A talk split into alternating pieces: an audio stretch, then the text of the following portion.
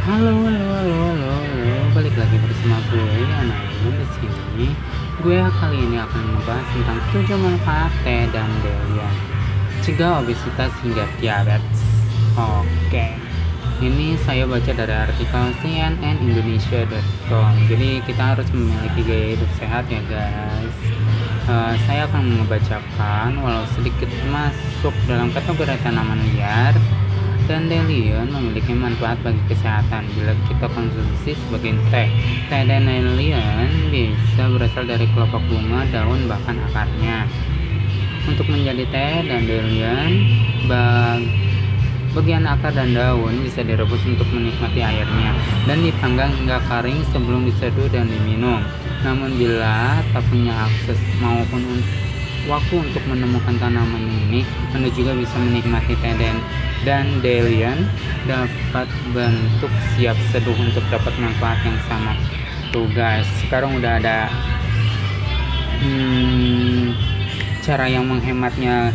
Jadi kita bisa hidup lebih sehat lagi. Yuk, aku ajak sama-sama untuk hidup sehat tidak terjadi obesitas ataupun penyakit-penyakit lainnya. Setidaknya kita mencegah lah daripada mengobati kan satu nih ada artikel lagi uh, masih sama mengetik mengutip headline berikut jumlah manfaat konsumsi teh dan dandelion bagi kesehatan. Satu pengganti kopi dua obat penurut berat berat badan maksud saya tiga atasi masalah pencernaan. Wah bagus ya.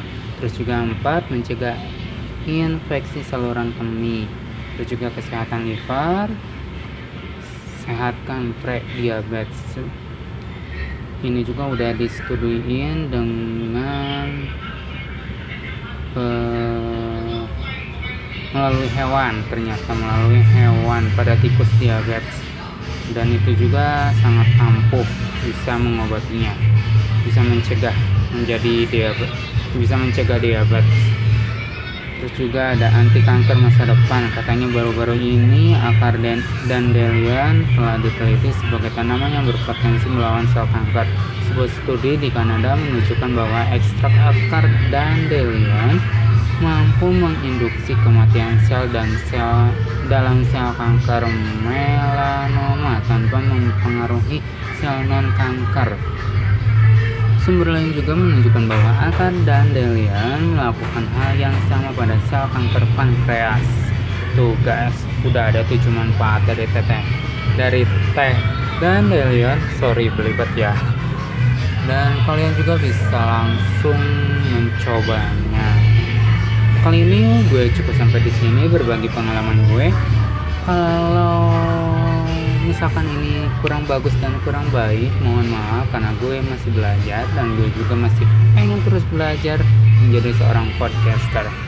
So guys jangan lupa dengerin gue terus kalau bisa download dan bagikan ke teman-teman kalian juga supaya gue lebih semangat lagi menjadi uh, podcaster.